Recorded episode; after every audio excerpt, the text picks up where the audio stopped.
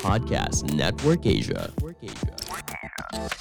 Halo semuanya, buat para podcaster bingung caranya ngembangin podcast. Nah, coba cek Podmetrics deh.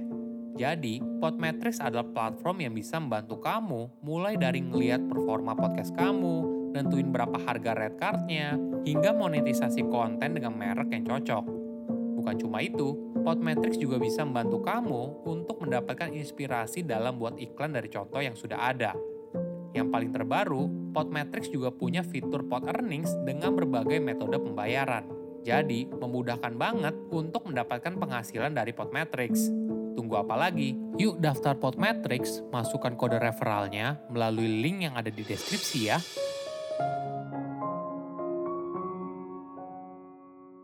Sukses itu gabungan dari keberuntungan, kerja keras, dan doa. Halo semuanya, nama saya Michael. Selamat datang di channel saya, Sikutu Buku. Kali ini saya akan bahas kisah inspiratif dari Sahid Khan, miliarder Amerika Serikat yang awalnya hanya tukang cuci piring. Kisahnya sangat menginspirasi karena mengubah mimpi menjadi kenyataan. Sahid tidak pernah menyangka kalau dirinya bisa menjadi orang terkaya di Amerika Serikat yang berasal dari keturunan Pakistan.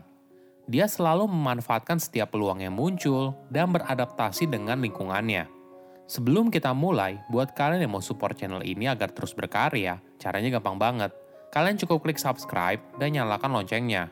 Dukungan kalian membantu banget supaya kita bisa rutin posting dan bersama-sama belajar di channel ini.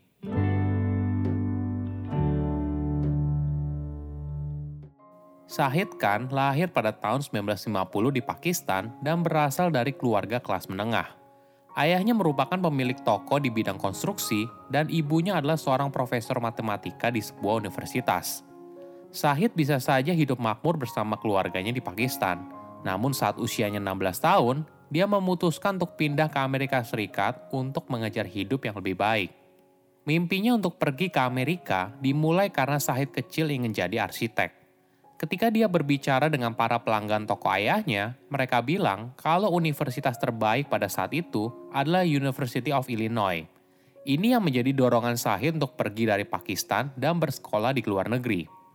Dia tiba di Amerika di tengah musim dingin, disertai dengan badai salju yang tebal.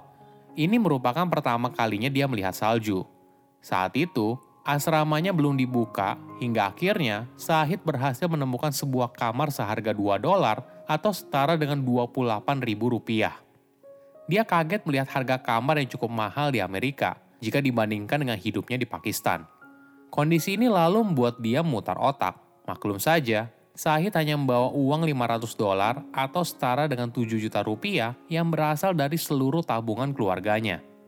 Di Amerika, Sahid melanjutkan kuliah jurusan teknik industri di University of Illinois sambil bekerja sebagai pencuci piring di restoran dengan bayaran 1,2 dolar atau setara dengan 16 ribu rupiah per jam. Sebagai gambaran, bayaran 1,2 dolar pada masa itu jauh lebih besar daripada penghasilan 99% orang di Pakistan. Sahid mengenang masa lalunya kalau dia tidak menyangka bisa diterima di Universitas Amerika – dia juga bukan orang yang spesial. Namun bertahun-tahun kemudian, Sahid bertemu dengan dekan dari University of Illinois dan memberitahu alasannya. Saat itu, University of Illinois tidak memiliki alumni dari dua negara, yaitu Pakistan dan Perancis. Itulah salah satu faktor yang membuatnya diterima. Jadi boleh dibilang, banyak campur tangan keberuntungan yang mendorong Sahid bisa sampai di posisi sekarang.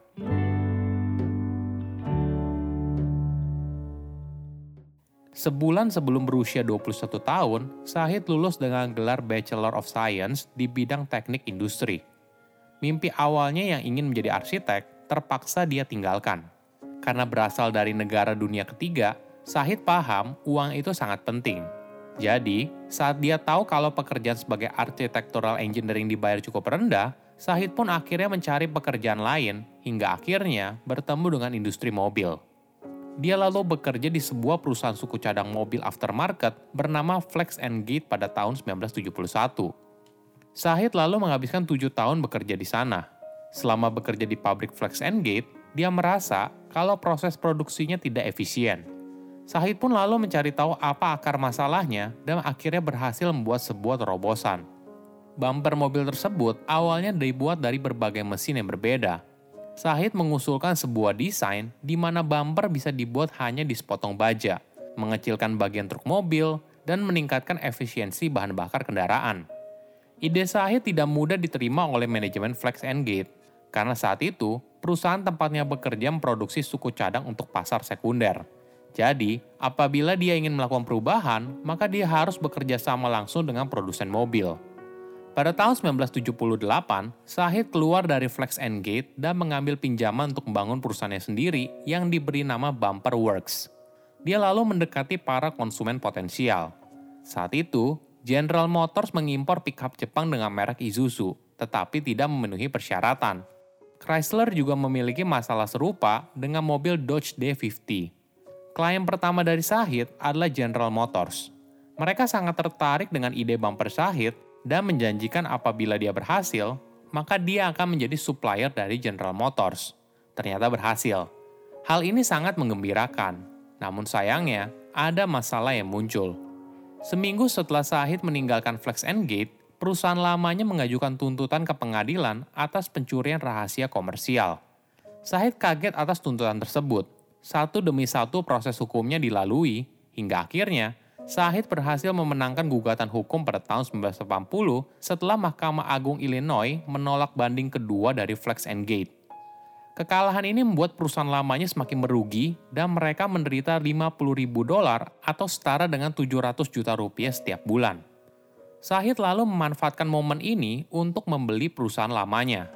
Pada tahun 1980, Sahid berhasil membeli Flex and Gate dan secara bertahap perusahaan tersebut tumbuh menjadi pemasok utama bumper mobil untuk beberapa produsen mobil besar, seperti Ford, General Motors, dan Chrysler.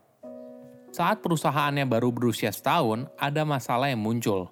Salah satu kliennya yaitu General Motors memutuskan untuk bekerja sama dengan perusahaan yang lain karena perusahaan miliknya tidak bisa memenuhi pesanan yang besar. Sahid pun memakluminya karena tentu saja saat itu dirinya tidak mampu memenuhi pesanan dari 200 menjadi 40 ribu bumper per hari. Klien satu-satunya telah pergi dan Sahid harus memutar otak untuk mencari klien potensial berikutnya. Namun, hubungan yang dekat dengan General Motors membantu bisnis Sahid di kemudian hari. Isuzu yang merupakan rekan General Motors dari Jepang berencana untuk mengekspor mobil ke Amerika Serikat.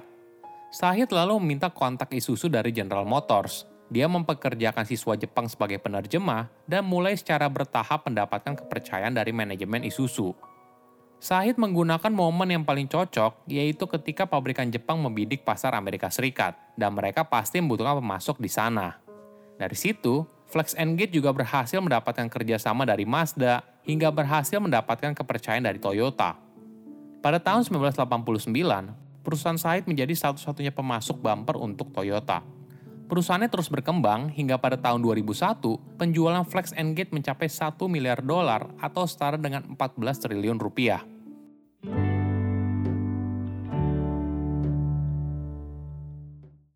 Tantangan bisnis lain muncul saat tahun 2008. Saat itu, Amerika Serikat sedang mengalami krisis keuangan yang dahsyat.